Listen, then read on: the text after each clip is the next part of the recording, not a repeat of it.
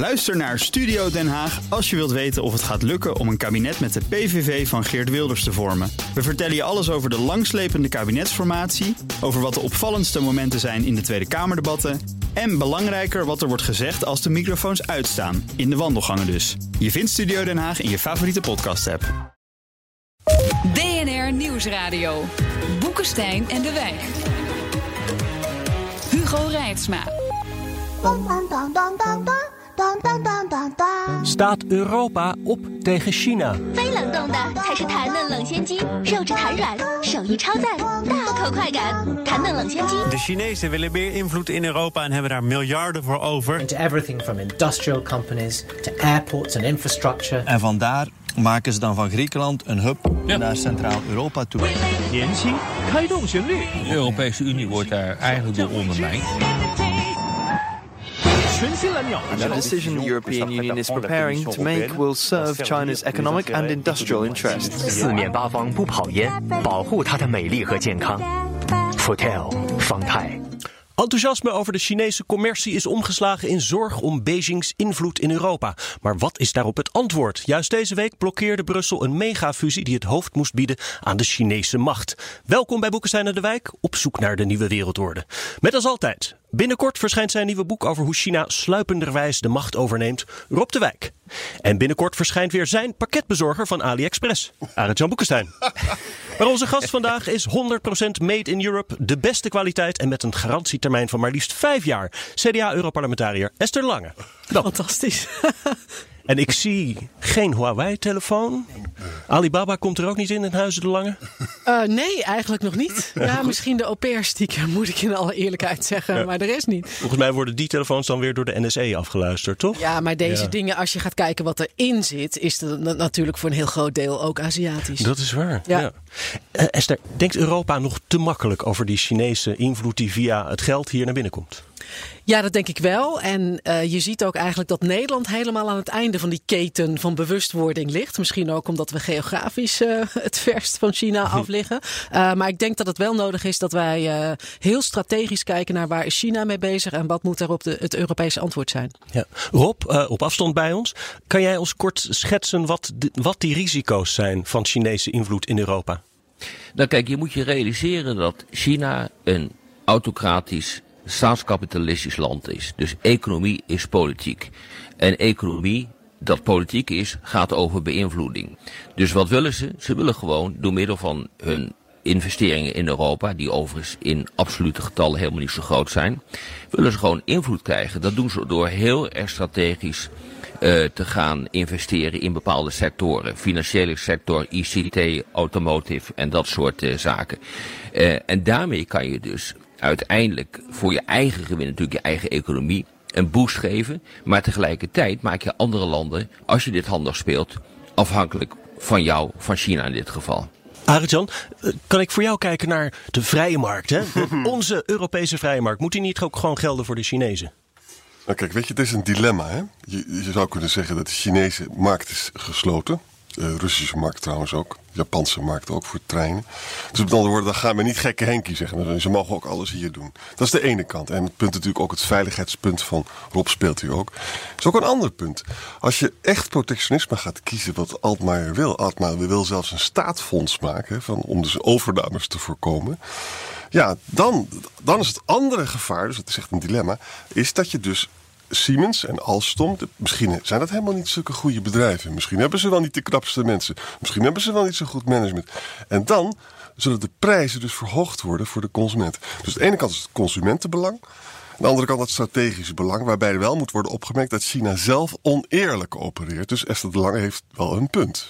Siemens en, eh, en Alstom, dat moest railbus worden, zeg maar het Airbus op het spoor. Frans-Duitse kampioen eh, treinenbouwer. Maar de Europese Commissie deze week zei nee, te grote marktconcentratie. En dat klinkt Esther wel verstandig. Ja, en ik denk ook dat we die logica eh, in 9 van de 10 of 95 van de 100 procent van de gevallen in Europa kunnen behouden. Omdat daar de Europese markt het belangrijkste is. Je kijkt naar de Europese markt en als je dan een dominante positie hebt, dan is dat niet in ons belang. Maar het probleem wat er hier speelt is natuurlijk dat eh, dat speelveld niet meer Europees is, maar wereldwijd is geworden. En de vraag is van laat je de relatief kleine vergeleken met dat Chinese bedrijf, Europese bedrijf apart bestaan en één voor één opslokken door China. Ja, Hè, die Chinese Siemens treinenbouwer die is zelfs nog groter dan Siemens. die is vele malen groter dan die twee bij elkaar. Ja, ja. En wij zeggen nu die twee die mogen niet bij elkaar. Eh, en de regels zijn inderdaad zo. Dus wat we nodig hebben is misschien wel een, een echt fundamentele discussie over dat mededingingsbeleid. Wat dus 9 van de 10 keer voldoet. Maar voor dit soort grote wereldwijde vraagstukken, ehm, waar zoals Arend Jan terecht zegt, ook sprake is van een oneerlijk eh, playing field. Geen level playing field. CRRC heeft nog niets verkocht in Europa. Het enige wat ze gedaan hebben is vier metro-treinen contracten in Amerika. Hè? Maar vergis je niet, Arend Jan, hè? want het begint natuurlijk met havens. En je zag het bij Piraeus, eh, bij Athene, hoe assertief de Chinezen daar eh, tekeer gingen. het. Eh, vervolgens kijken ze naar Gdansk, ze kijken naar Baltische havens. Dus eh, we moeten niet naïef zijn, is een beetje mijn oproep, dat je het laat gebeuren en eigenlijk pas ingrijpt als het te laat is. Dat is in Portugal bijvoorbeeld gebeurd bij de energiesector. Maar er is echt hè? een dilemma, want Siemens en Alstom beide zijn bijna monopolisten in Europa. hè. Dus het zijn al hele sterke bedrijven. Overigens, voordat ik het vergeet te zeggen, ik vind dus dat, eh, er wordt altijd gescholden op Europa. Hè. De Europese Commissie heeft zich dus niet laten leiden door de onvoorstelbare druk van de Franse en de Duitse regering. Europa werkt dus hier. Hè. Het is iets waar we trots op mogen zijn. Ze hebben gezegd, dit verhaal doen we niet. Er is wel een probleem, maar nu nog... In de foreseeable future staat in het rapport. Denken we niet dat CRC zo makkelijk dat zou kunnen doen. Eh, Rob, hoe kijk jij hier tegenaan? Nou, ik vind eh, absoluut eh, dat je hier eh, een, eh, een punt hebt en dat je moet nadenken hoe je die kracht van Europa ook op industrieel gebied zo groot mogelijk eh, kunt krijgen. Want dit gaat gewoon feitelijk over machtspolitiek.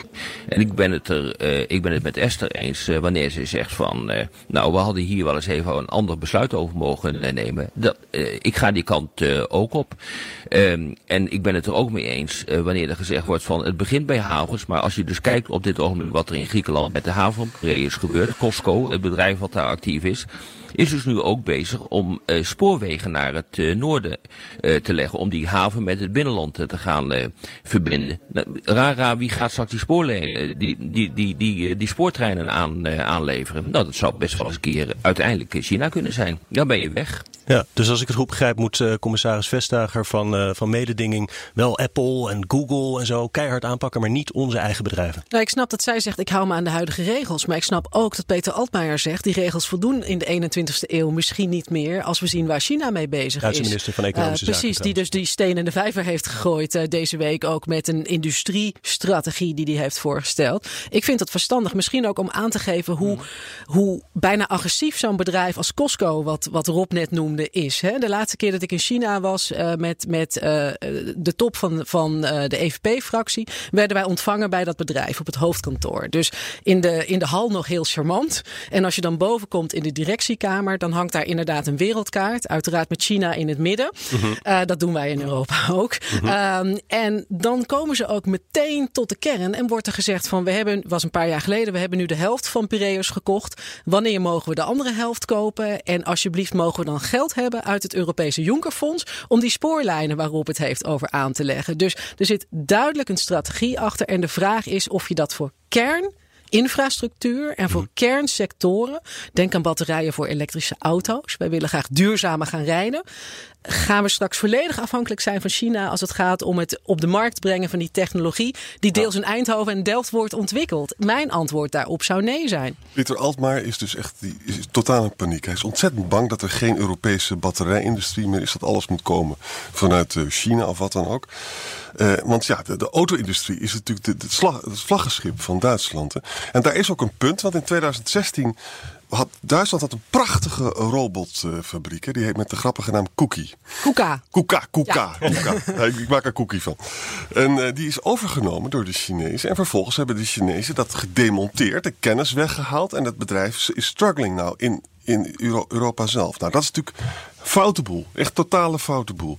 De ellende is alleen de andere kant van de medaille moeten we niet vergeten. Hè. We moeten dus iets doen tegen de Chinezen. Maar de prijs die we misschien gaan betalen...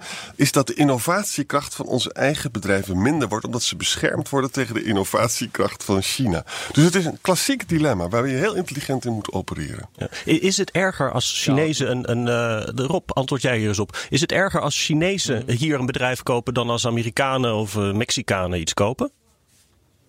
Ja, omdat het onderdeel is van een, een plan dat door de Chinese regering wordt uitgezet. Uh, Esther noemde zo net het woord strategie. Zij hebben een strategie. Dat betekent namelijk dat zij door heel strategisch te gaan investeren uh, in uh, bedrijven in Europa uh, proberen om in ieder geval op technologisch gebied Europa die bedrijven leeg te trekken, ten behoeve van hun eigen bedrijfsleven, om vervolgens een groeispurt te kunnen maken en ook de technologische en commerciële standaarden voor de rest van de wereld te kunnen bepalen en die op te leggen. Als je dat kan, dan krijg je een voordeel voor je eigen bedrijfsleven. Dat is gigantisch en dan krijg je eigenlijk een soort economisch kolonialisme. En we gaan heel hard die kant op. En Altmaier, en uh, Arend Jan heeft net uh, terecht uh, zijn naam genoemd, die begint inderdaad paniek te worden, te, paniekerig te worden. Als je kijkt naar zijn nationale industriestrategie, 2030, die nu is verschenen, dan moet je constateren dat Duitsland erkent dat ze ver achterlopen. Maar ik vind dat eerlijk gezegd ook te wijten aan Duitsland zelf. Dit hadden ze gewoon kunnen weten. Ja. We weten verdomme nog aan toe al, al 10, 15 jaar dat dit eraan zit te komen. En wat doen ze? Niks. We hebben binnen de Europese Unie, en ik hoor graag uh, wat Esther daarvan vindt, een China-strategie. Ik ben er niet van onder de indruk. Uh, er is nu een connectiviteitsstrategie uh, gelanceerd door de Europese Unie om ook wat tegen dat Belt en Rood project te doen van, van, van, van China, om er iets tegenover te stellen. Ik ben er niet van onder de indruk. Volgens mij zijn we gewoon tien jaar te laat. Esther? Ja, dat klopt voor een heel groot deel. Want je merkt dat China bijvoorbeeld door het 16 plus 1 initiatief, hè, waar bij, waar alle Oost-Europese landen in zitten. Ook uh, de Bal Balkanstaten, dat zijn dan de 16. En China, dat is 1, 16 plus 1.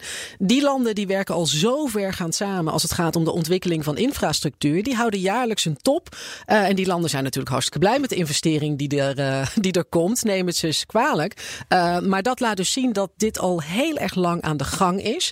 En dat je dus veel eerder moet reageren. en vandaar dat ik bijvoorbeeld die batterijtechnologie noemde zaken die echt nog uh, uh, aan het begin staan, waar je nog grip op de zaak hebt. Want op een aantal terreinen uh, zijn we inderdaad nou, laat ik het voorzichtig zeggen, heel erg aan de late kant. Spelen de Chinezen het nou vooral zo slim of spelen ze vals?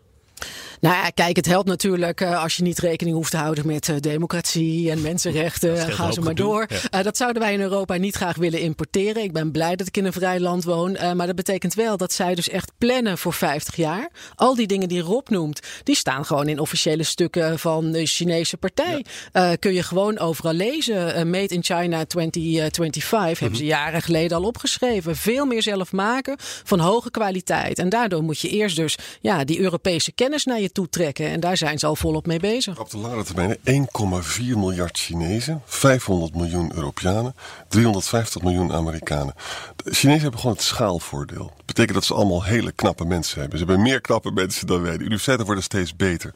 Als dit ertoe leidt dat we allemaal protectionistisch worden, waarbij wij dus zelf eigenlijk ook staatskapitalistisch zouden worden, dan moet de liberaal in mij wel zeggen, dan worden we allemaal ook weer armer. Hè? Dus het is, blijft een dilemma. Ja, maar dat is dus niet waar ik voor pleit, uh, Arend Jan. Uh, want uh, ik denk dat er elementen in de voorstellen van, van, van, van Altmaier zitten die we echt moeten pakken. Gewoon omdat we strategisch te laat zijn.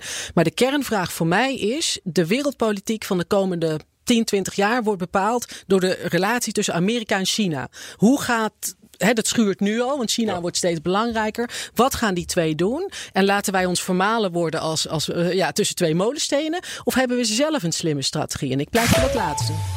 De liberaal in Arend Jan is wakker geworden. Straks meer. BNR Nieuwsradio. Boekenstein en de Wijk. Op zoek naar de nieuwe wereldorde. Dit is Boekenstein en de Wijk. En dit kwaliteitsprogramma bestaat uit de bewegende onderdelen Arend-Jan Boekenstein en Rob de Wijk. U luistert deze aflevering met 15% korting. En als hij niet bevalt, kunt u hem gratis terugsturen naar China.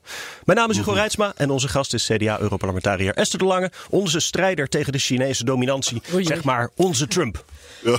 Nou, lekker dan. Ik ben ook eens voor een Iron Lady uitgemaakt. ik weet niet wat ik daarmee moet.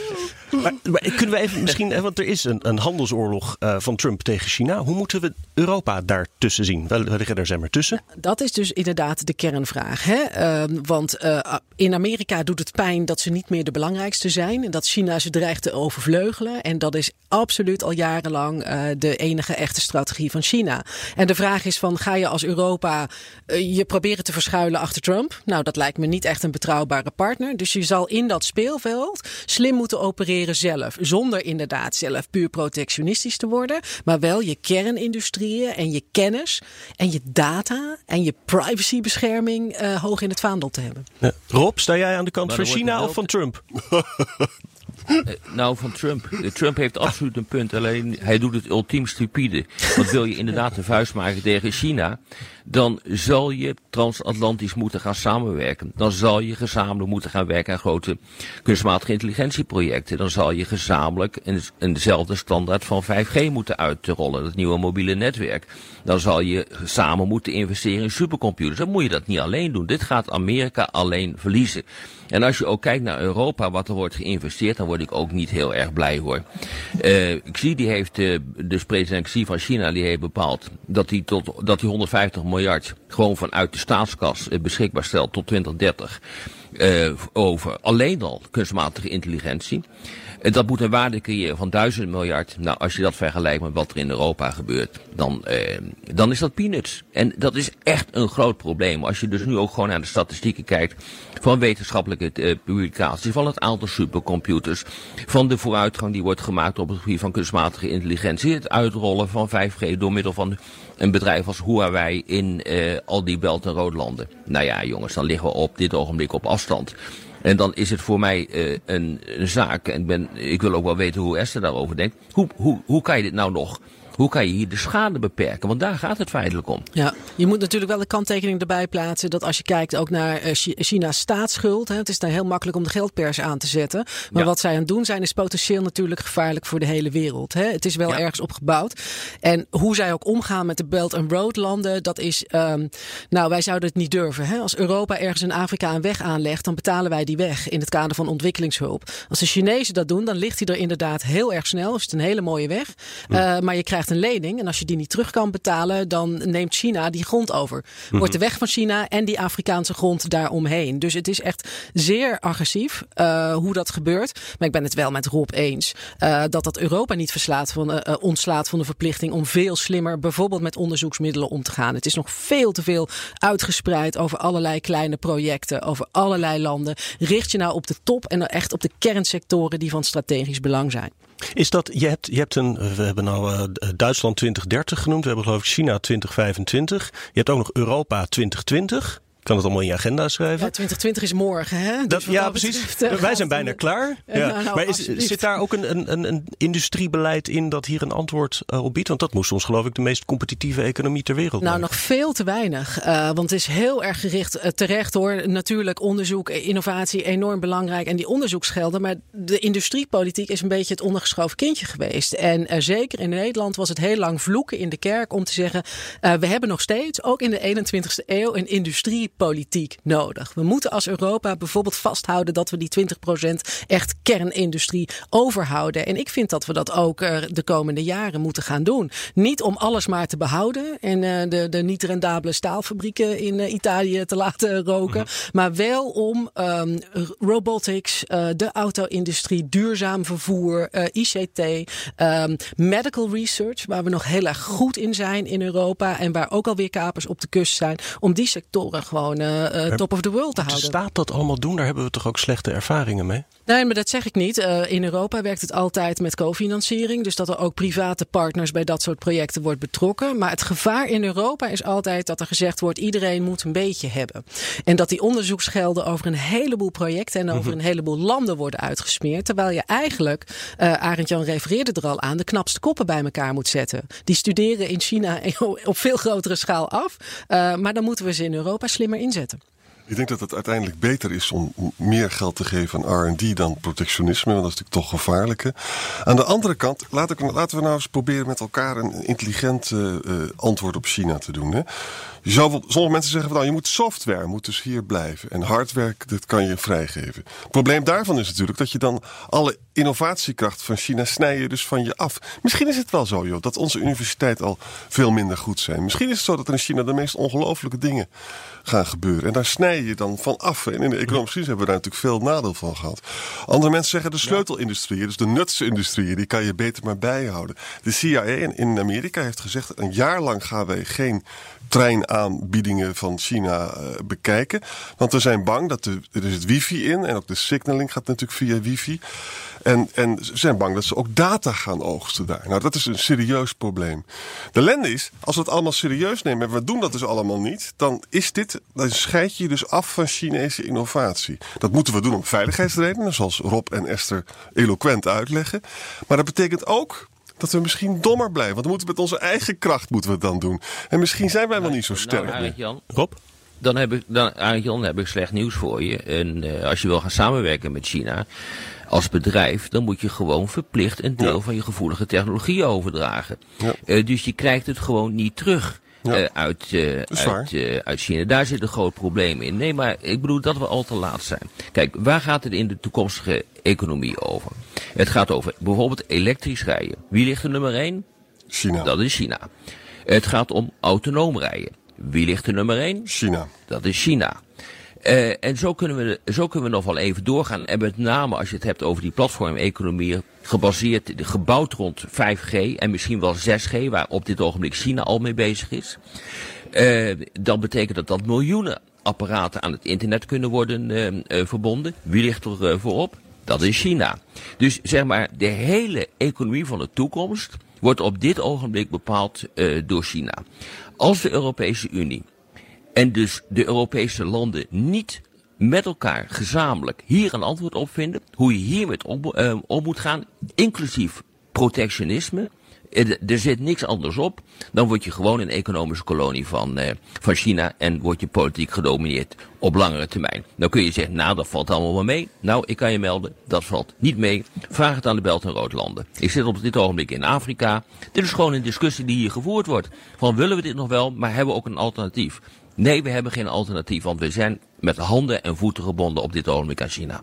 Esther? Ja, en je moet ook die redenering van Rob dan nog één stapje verder doortrekken. Op het moment dat je dat laat gebeuren, wordt China ook de baas van de wereld. Met alle standaards en normen en waarden die daarbij horen. Wij merken dat in Europa nu al. China heeft heel veel ingekocht in Griekenland. En dat betekent dat Griekenland, op het moment dat Europa China wil aanspreken, bijvoorbeeld op mensenrechten, voorkomt dat er met unanimiteit een Europees standpunt komt. Dus voorkomt dat wij China aanspreken op dingen die wij belangrijk uh, vinden. Ik wil dat niet laten laten gebeuren. Want dan krijg je de Chinese spelregels in de wereld. De Chinese privacybescherming, die er dus niet is.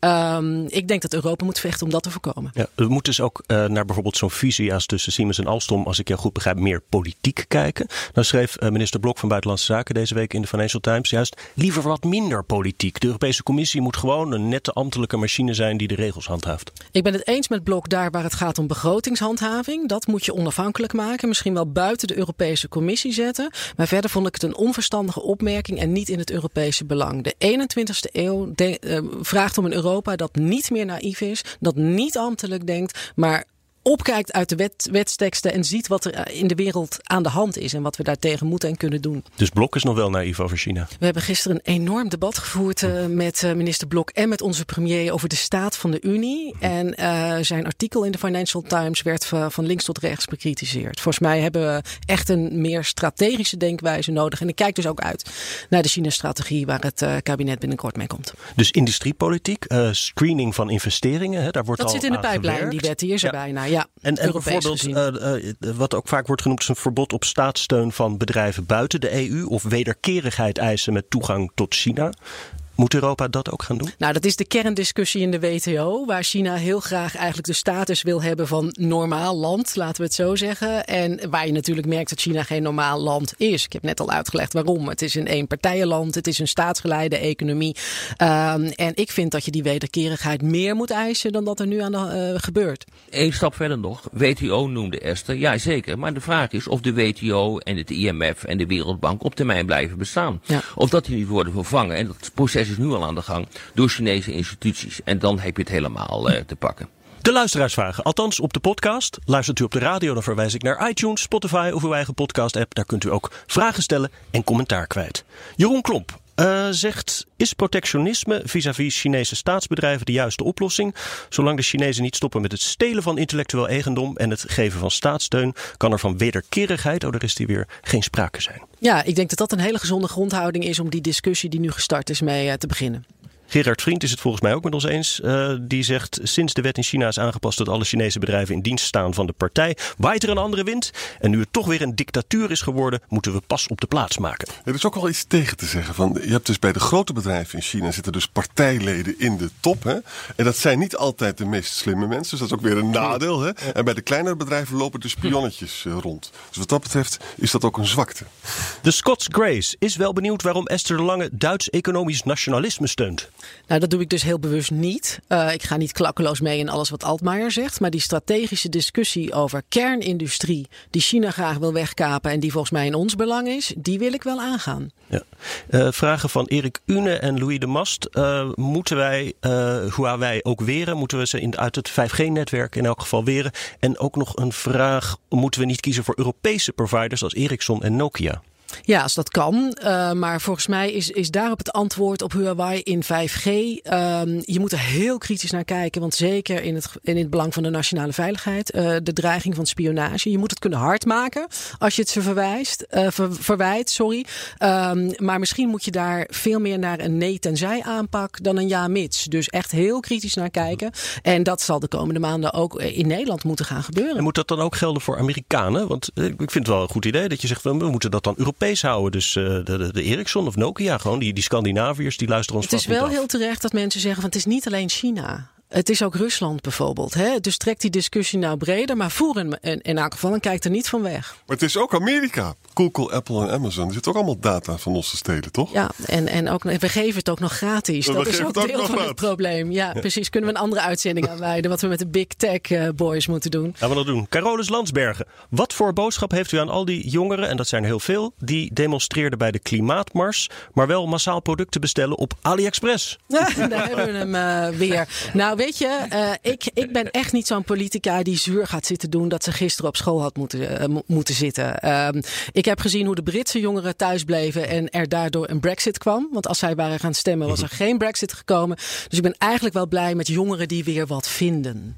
Felix Ruiters, waarom het antwoord zoeken in protectionisme? Zou een echt interne vrije markt in de EU de oplossing zijn? Zouden Europese bedrijven veel baat hebben bij een echt grote thuismarkt uh, die zich niet beperkt tot hun eigen land? Ja, natuurlijk moet je de interne ja, markt op een heleboel terreinen afmaken, maar het een sluit het ander niet uit. Rob? Sorry Rob. Ja, bovendien is het niet zo en ja, nee, maakt niet uit. Het is niet zo'n hele grote interne markt in vergelijking met die van China. Ja. De grote groei van China de komende jaren, die zit hem in het feit uh, dat ze dat hele land uh, gaan bijtrekken. Dat betekent gewoon dat ze een markt hebben van 1,4 miljoen Chinezen. Miljard. Combineer je dat uh, met de Belt, miljard. Ja. Combineer je dat met de Belt- en Roodlanden, wat er meer dan 60 zijn, dan heb je meer dan de helft van de wereldbevolking onder je hoede. Dus nee, ik bedoel, het zijn ook geen vergelijkingen meer. Ja. Tot slot, Laura Groeneveld. Als wij een echt grote, sterke leider nodig hebben om ons te beschermen tegen de Chinezen, is Manfred Weber, die geen enkele ervaring heeft als Europarlementariër, dan de juiste man. Geen enkele ervaring. Ik ben er juist blij mee dat het iemand is die thuis gekozen wordt en die het weet wat het betekent om de steun van de mensen thuis te hebben in plaats van zo'n apparatchik. Uh, uh, een beetje een politicus met de voet in de klei, daar hou ik wel van. Ja, maar dit heeft, dit heeft ook niet alleen maar te maken met één politicus. Dit heeft te maken met een fundamenteel, fundamenteel debat dat moet plaatsvinden binnen de politiek en binnen de maatschappij. Ik ben heel erg blij dat nu op dit ogenblik eindelijk eens een keer mensen zich beginnen te realiseren dat er echt wat aan de hand is uh, in de wereld. En dat die wereldorde aan het veranderen is door, uh, door China. Dus in die zin uh, begint nu wel een klimaat te ontstaan om tot de goede besluiten te komen. En tot een echte Europese wereldorde. Dit was weer Boekenstein en de Wijk. Tijd voor de reclame. Namens Arend-Jan Boekenstein en Rob de Wijk zeg ik dank voor het luisteren. Speciale dank aan Esther de Lange. En tot volgende week. 好爸爸就要给他完美的幸福，奇妙时刻，快乐好爸爸。 Ook Diana Matroos vind je in de BNR-app. Ja, inderdaad. Je kunt live naar mij luisteren tijdens de Big Five. Ook handig in de BNR-app. Breaking nieuwsmeldingen, maar ook het allerlaatste zakelijke nieuws. En je vindt in de app alle BNR-podcasts, waaronder Wetenschap Vandaag. Download nu de gratis BNR-app en blijf scherp.